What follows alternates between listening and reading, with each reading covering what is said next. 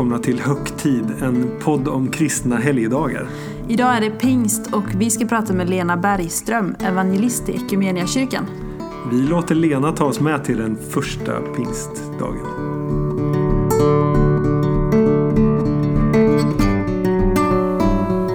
Vi ska prata om pingsten. Och jag vill läsa den berättelse som är pingstens egen berättelse från Apostlagärningarna. Och jag ska strax läsa, men låt oss sätta lite sammanhang runt den först. När vi kommer in i berättelsen så är det högtid i Jerusalem. Judiska pilgrimer har samlats från många länder för att fira Shavuot, 50 dagar efter påskhögtiden. Och de firade till minne av hur Israels folk tog emot lagen vid berget Sinai. De firar att Gud talar till dem som folk. De samlas och minns vilka de är. Och så är det väl med högtider, att vi samlas då. Och de hjälper oss att minnas vilka vi är, vad som är vårt sammanhang. Ibland blir det vårt lilla sammanhang som hamnar i centrum vid högtider. Kanske främst familjen. Och det är något gott i det, men det är också begränsande. För högtiden säger något mer, den påminner om en större gemenskap, bortom det alldeles egna eller familjära. Så är det också med pingsten. Så tillbaka till Jerusalem och det här textsammanhanget. Det har gått eh, 50 dagar sedan den påsk då vännerna runt Jesus följde honom till korset, till döden och sen på påskdagen kastades in i det här som förvandlade allt, uppståndelsen, mötet med den uppståndne Jesus. Och en tid efteråt har de haft nära till honom. Han har visat sig och han har undervisat dem. Men sen tog han återigen farväl och bad dem att vänta i Jerusalem, vänta på kraft från höjden, vänta på hjälparen. Så de väntar, de samlas till bön och de väntar. Och här kommer vi in i berättelsen från kapitel 2 i Apostlagärningarna. När pingstdagen kom var de alla församlade. Då hördes plötsligt från himlen ett dån som av en stormvind och det fyllde hela huset där de satt. De såg hur tungor som av eld fördelade sig och stannade på var och en av dem. Alla fylldes av helig ande och började tala andra tungomål med de ord anden ingav dem. I Jerusalem bodde fromma judar från alla länder under himlen. När dånet göd samlades hela skaran och förvirringen blev stor när var och en hörde just sitt språk talas. Utom sig av förvåning sa de, men är de inte galileer allesammans, dessa som talar? Hur kan då var och en av oss höra sitt eget modersmål talas? Vi är parter, meder, elamiter, vi kommer från Mesopotamien, Judeen och Kappadokien, från Pontos och Asien, från Frygien och Pamfylien, från Egypten och trakten kring Kyrene i Libyen. Vi har kommit hit från Rom, från både judar och proselyter. Vi är kretensare och araber. Ändå hör vi dem tala på vårt eget språk om Guds stora gärningar. I sin häpnad visste ingen vad han skulle tro och de frågade varandra. Vad betyder detta? Så långt berättelsen. Vad betyder detta? I vårt land så tillhör väl inte pingsten längre de riktigt stora högtiderna som jul eller påsk. Eh, det är vår eller försommar och det kan vara fint med fest när det är pingst. Det firas ofta bröllop och sådär. Men själva pingsthändelsen kanske upplevs lite internt kyrklig. Den kallas ju också ibland för kyrkans födelsedag. Men själva pingsten är dock egentligen motsatsen till intern. Det är snarare den dag då det på allvar vänder utåt, då gränserna sprängs och en ny, större, ja till och med världsvid gemenskap tar form. Lukas berättar att de pilgrimer som får höra lärjungarna tala på sina egna språk, de kommer från alla länder under himlen. Så skriver Lukas och det är en sån där kommentar som är liksom en nyckel för att låsa upp texten. Det hör ihop med uppdraget att berätta om Jesus till jordens yttersta gräns som Lukas hade skrivit tidigare. Det handlar om överallt och på alla språk. Den här gemenskapen, det här livet i Kristus, det är inte avsett för en liten grupp utan inbjudan är till alla. Och här blir de människor som tidigare kännetecknades av att de följde med Jesus runt där han gick, här blir de en gemenskap som lever det här nya, lever i Kristus, som de kommer att säga. Den heliga anden som här kommer som en stormvind och som eld fyller lärjungarna och inspirerar dem, andas i dem den nya gemenskapens ord. Och så kan de gå ut och så kan de berätta och så kan de leva i den kraft som flödar direkt från livets källa. Och från den dagen gör de just det, berättar, delar allt med varann och tar emot nya människor i gemenskapen. Och moden, modet och kraften och orden och kärleken, det var den heliga anden som var källan till det. De fick ta emot Guds ord i hjärtat. Och det här var som profeterna hade sagt, att lagen skulle skrivas direkt i människornas hjärtan. Och nu, den här pingsten, så händer det. Det nya och de gamla berättelserna håller ihop, hänger ihop. Pingsten är den högtid då vi påminns om att vi tillhör den stora gemenskapen och att vi människor är kallade att leva i den kraft som flödar direkt från livets källa. Att Gud genom sin kärlek i Kristus öppnat vägen till den källan. Att vi är välkomna hem till det hem som förenar oss oavsett varifrån vi kommer. Jesus kallar Anden för Hjälparen den som påminner och lär oss, den som visar vägen.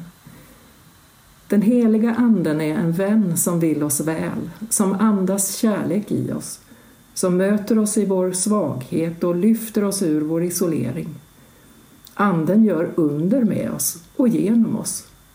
Och det är inte magi, det blir tydligt ju längre in man kommer i Lukas berättelse. Det är en levande relation som förvandlar oss.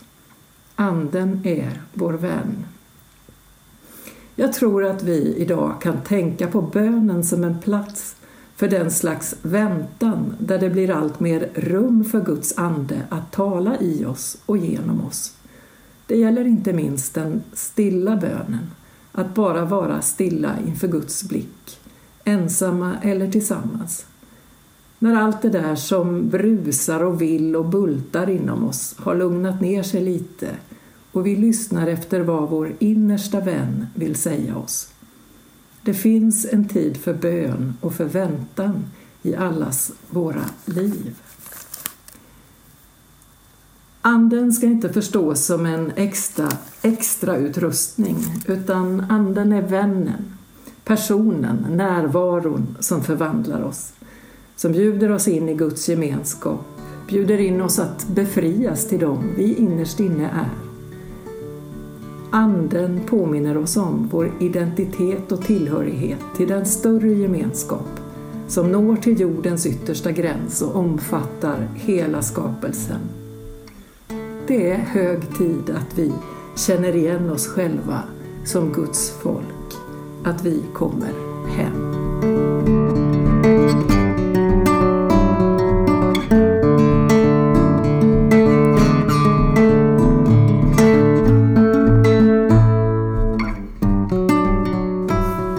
Flera gånger där att anden är våran vän. Eh, för eh, vissa har eh, anden blivit liksom svår att förstå sig på eller kanske till och med lite obehaglig eller så. Men hur, hur vet vi att anden är våran vän?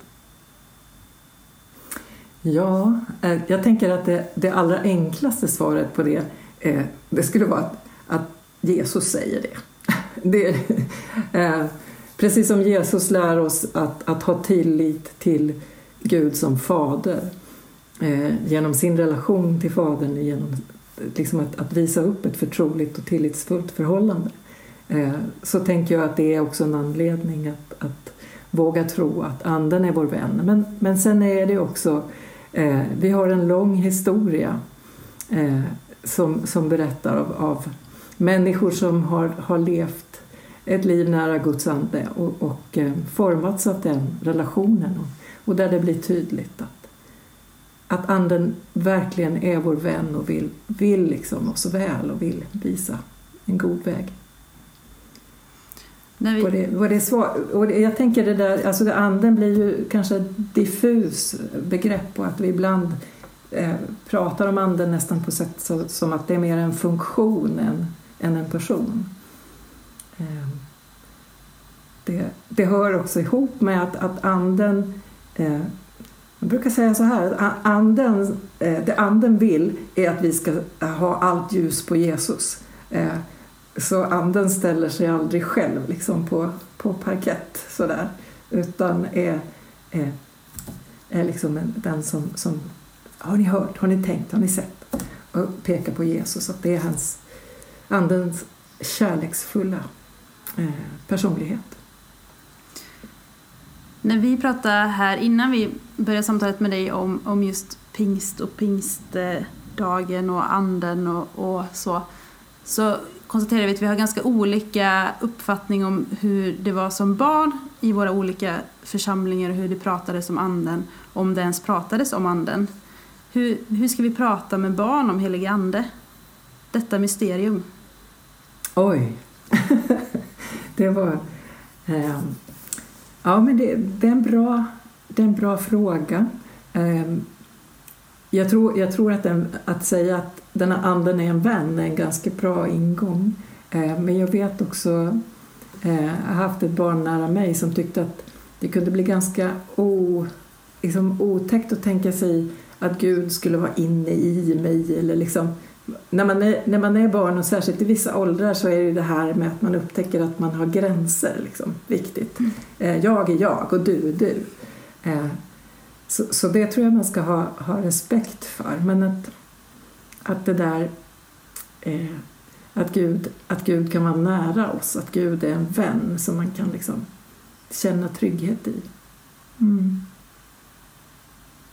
Ja, jag, jag återkommer gärna. Ja, gör det. Men, det får mig också tänka en följdfråga på det här. Kan, eh, det står ju i Bibeln att alla som tror ska få den helige Ande och så vidare. Men kan, vem avgör vem som är fylld av helig ande?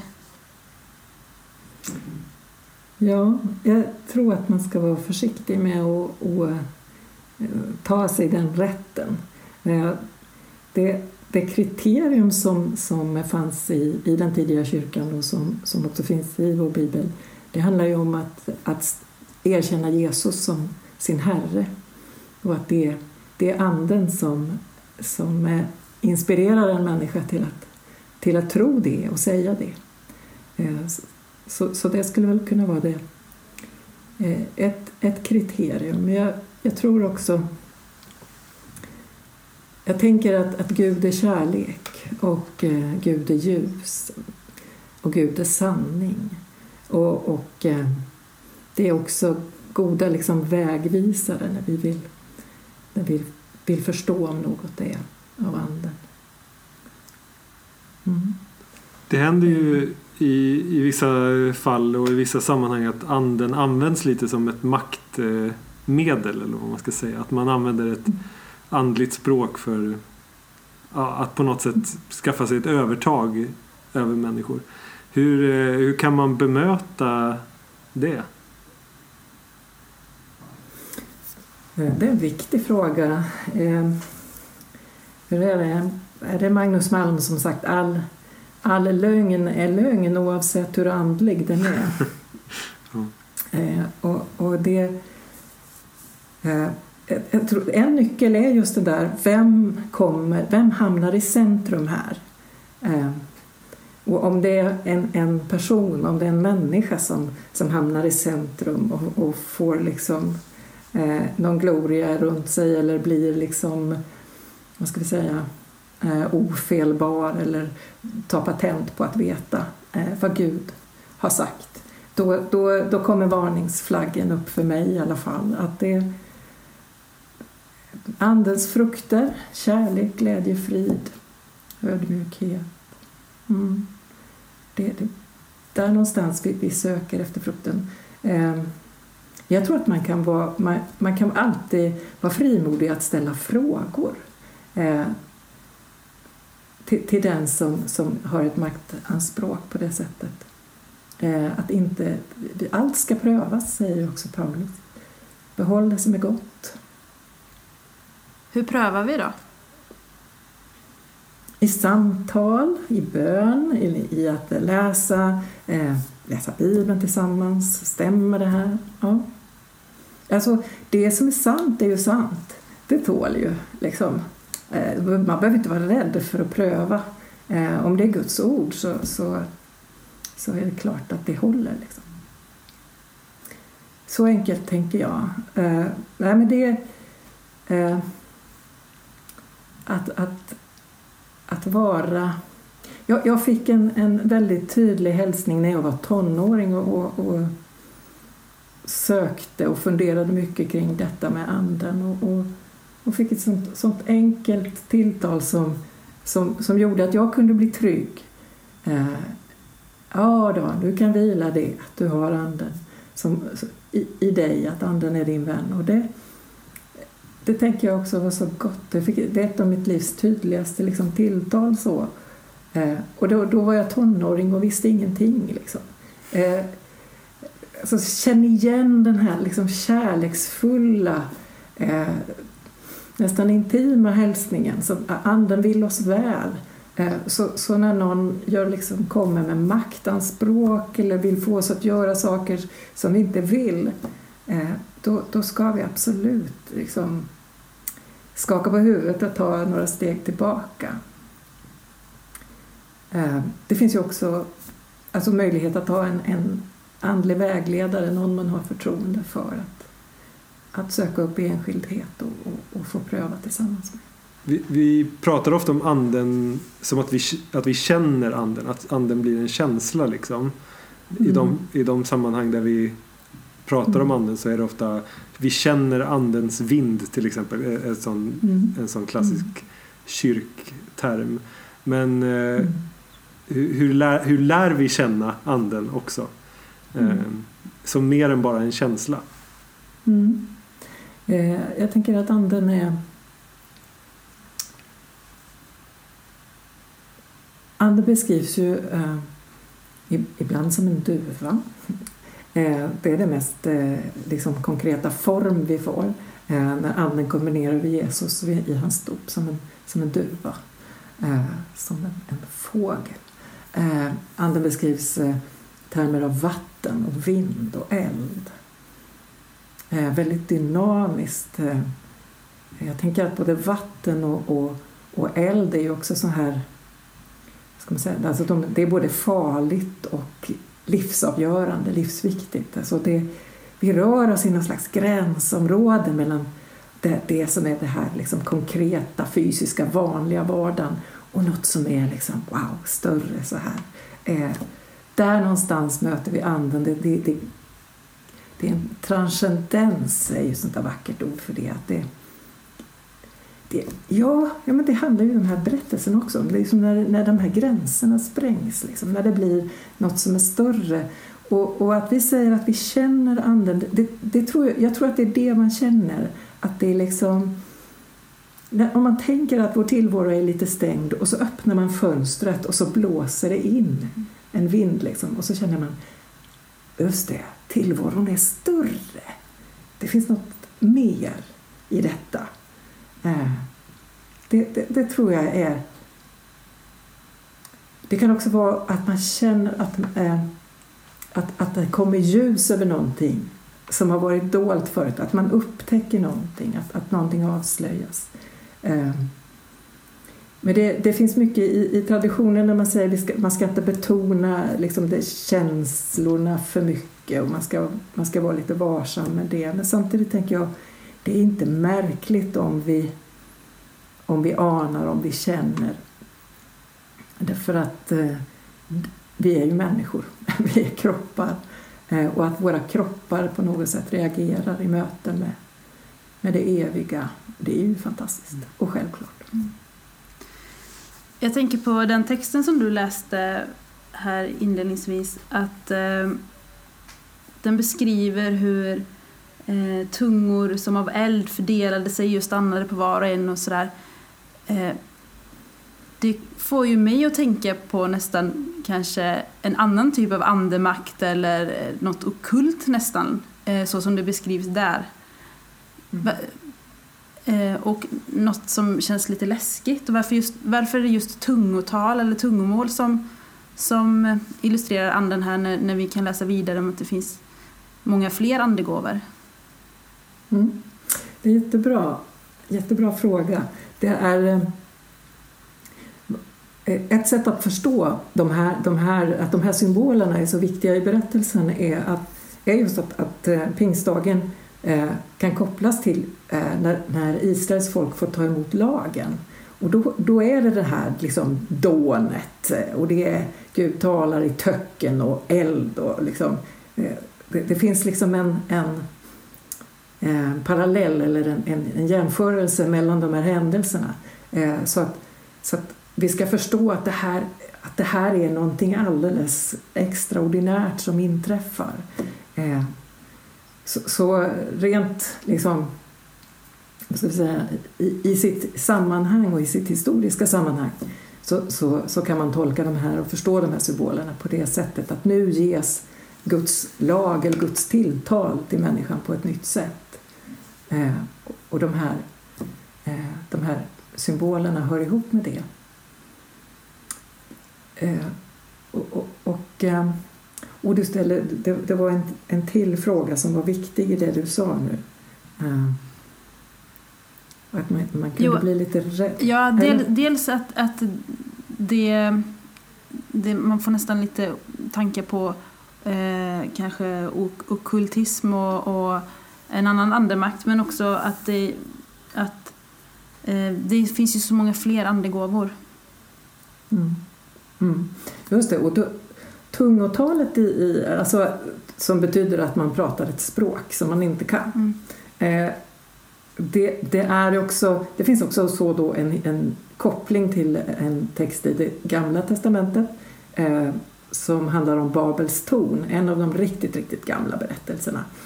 Där människorna bygger ett högt torn mot himlen och så eh, skingras de eh, för att de inte ska... De håller på att göra sig själva till gudar, kan man, kan man tänka.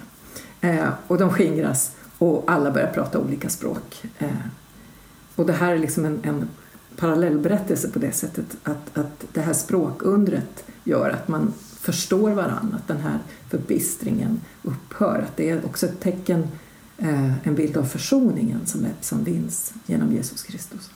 Mm. Så det finns eh, mycket god symbolik i det. Men vi, eh, jag tror att vi, vi har... Det finns ju... Åh, vad vi kan slarva med undervisning. jag också. Eh, det har ju ibland blivit liksom Andens gåvor är lika med tungotal. Mm. Eh, att prata konstigt. Eh, att liksom... Och, och... Ja, men det må väl vara så då. det är på ett sätt, därför att det är så tydligt när någon börjar, eh, börjar prata ett språk som de inte kan. Eh, det, det är liksom så spektakulärt för oss. Så att, eh, förlåt oss för, för att vi, vi blir upprymda och tycker det är jättekult. Eh, men men eh, det, det är ju hur man ska liksom koppla det. Eh, ibland förstår man det som, som att det är när anden ber i oss när vi själva liksom inte har ord. Eh, eller som ett litet barn som jollrar därför att inför Gud eh, så har vi liksom inget språk. Eh, att, att man kan förstå eh, det här med det nya språket på det sättet. Men i berättelsen så är ju poängen att alla förstår. det, så det, mm, det finns både.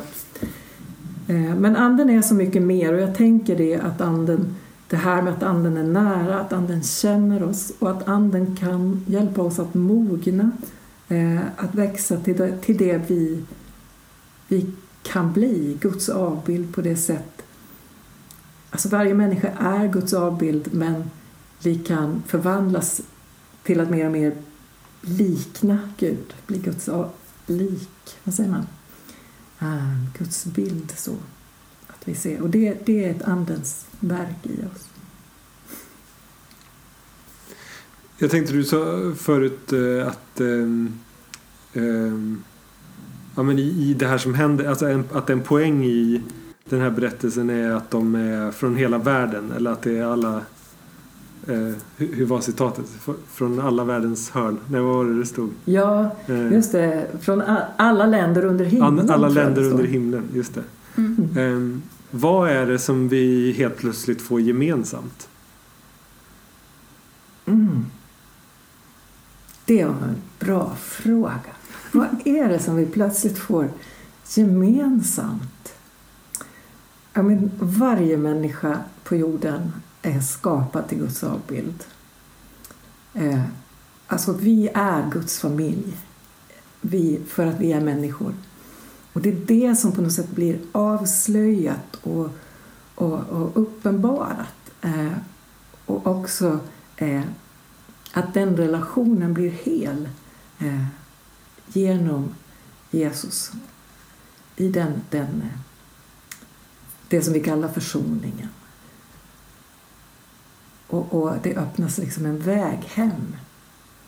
Eh, det jag tycker det är en ganska vacker bild att tänka att det vi får gemensamt är, är det, vi, det vi egentligen från början har gemensamt, ett, ett, ett hem eh, hos Gud.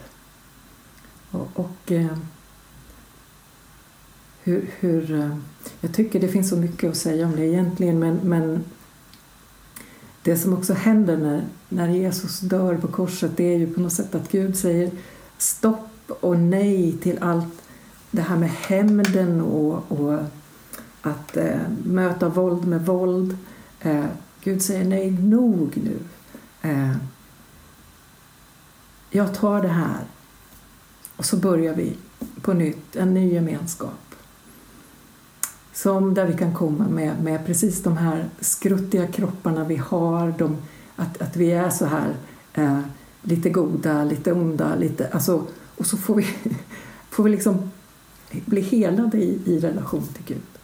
Och det kan vara den här processen. Och att anden är en vän i den processen av helande, läkande som både handlar om oss som individer men också som, som mänsklighet. Som det vi mer och mer ska bli. Guds folk på jorden. Är anden en färskvara? Är, är anden även... Är jag fylld av anden även de dagarna jag faktiskt tvivlar? Som man kanske of, ganska ofta gör ändå. Eh, eller är anden bara där och närvarande när jag som mest tror? Mm. Anden är ju vår vän och jag tänker anden är en vän för, för veckans alla dagar och hur vi än mår. Eh, jag tror att det mer handlar om vår, Eh, om vår egen, eh, vad ska vi säga, tillgänglighet eller uppmärksamhet. Eh, jag tror att det finns ja, men det som man kanske kan beskriva som att, som att mogna då Eh, att, att min vilja mer och mer blir ett med Guds vilja. Att det, alltså att det finns ett, ett växande och så, men jag tror in, inte... Ja, vad ska jag säga? Jag, jag, ber själv det. Kom och fyll mig, Guds heliga Ande. Stanna kvar hos mig. Jag ber ju så. Och samtidigt tror jag att Anden är där hela tiden. Men det handlar ju också någonstans om, om, om min viljas inriktning, min... Eh, detta att det, att det i det som har hänt på pingsten så, så finns möjligheten för en människa att liksom öppna sig för och låta sig inspireras av Guds ande på ett nytt sätt. Men att anden skulle liksom lämna oss och bara vara nära när vi, när vi tror och när vi känner, nej, det, det, det, så tänker jag inte. Utan aldrig, alla dagar. Det, det finns ju väldigt mycket att säga om anden. Mm. Jag märker det. och eh, den som kanske man har svårast att förhålla sig till liksom, i treenigheten, de, både Jesus och Gud, Fader på något sätt, det, det, det är så pass... Det blir mer konkret. Mm. Anden är ju så okonkret på ett sätt. Mm. Och ändå är, är ju... Eh, vi möter anden på, på liksom i, i den första be- skapelseberättelsen Mm. när anden svävar över vattnet. Och, eh, livgivare. Alltså, jag tänker på ett sätt anden är ju verksam i, i skapelsen i varje ögonblick. Det skulle inte finnas liv om inte anden blåste liv i allt. Det, det är någonting... Eh, kan det vara så att anden är så nära så att vi inte ser den? Att det är liksom lite grann det där som att vi ibland glömmer bort sånt som att vi andas eller hjärtat slår liksom, för att det är så självklart. Mm. Eh, Det, det är ju... eh, Och det skulle inte finnas en, en kyrka om inte anden Eh, fanns i, och, och inspirerade oss till att vara gemenskaper i Kristus. Mm.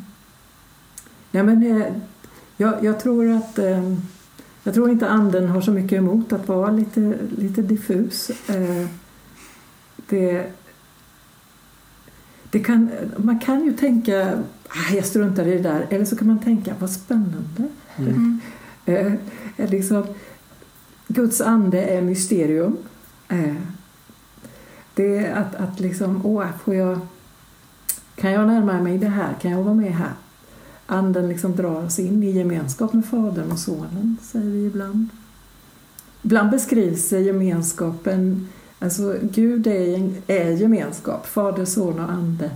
Eh, ibland beskrivs den gemenskapen som en dans och att vi dras in i den dansen. Man kan, man kan söka efter sådana bilder och, och bli inspirerad och lära sig mer. Det kan pingsten, eh, pingsten kan inspirera till det, tänker jag. Jag tror, jag tror att bön är... är alltså vi, vi, vi kan inte be utan att Anden ber i oss. Eh, Så att bönen är verkligen en väg till, till fördjupad relation. Mm. Du sa att det här eh, kallas för kyrkans födelsedag ibland. Mm. Och du sa Mm. alldeles nyss också att det inte hade funnits någon kyrka utan anden. Ehm, vad, vad betyder det? Eller varför är det så? Eh, Ja, men det är, det är helt enkelt eh, då det tar form. Liksom efter, efter, efter Kristi himmelfärdsdag, som vi säger, när lärjungarna sitter och, och väntar och är isolerade. eh, Och, och det är liksom först när, de, när anden har, har eh, vad ska man säga, de har uppfyllts av ande som, som de blir den gemenskap som är utåtriktad och, och, och där det kommer nya människor eh, till tro. Så, så det är... Eh, utan, utan den utåtriktade rörelsen så hade liksom inte kyrkan funnits. Men det är ju också någonting, det är ju inte bara den utåtriktade rörelsen utan det är ju också den kärlek som, som liksom pff, bara förlöses, eh, generositet och som gör att man bygger gemenskap på ett helt nytt sätt. Eh, och det som också blir väldigt kännetecknande för den första kyrkan. Hur de lever tillsammans och eh, den kärlek som eh, hur de tar hand om, om varandra, om de som är svaga och som är små. Så, så definitivt kyrkans födelsedag. Grattis till oss! Bra, precis. Verkligen.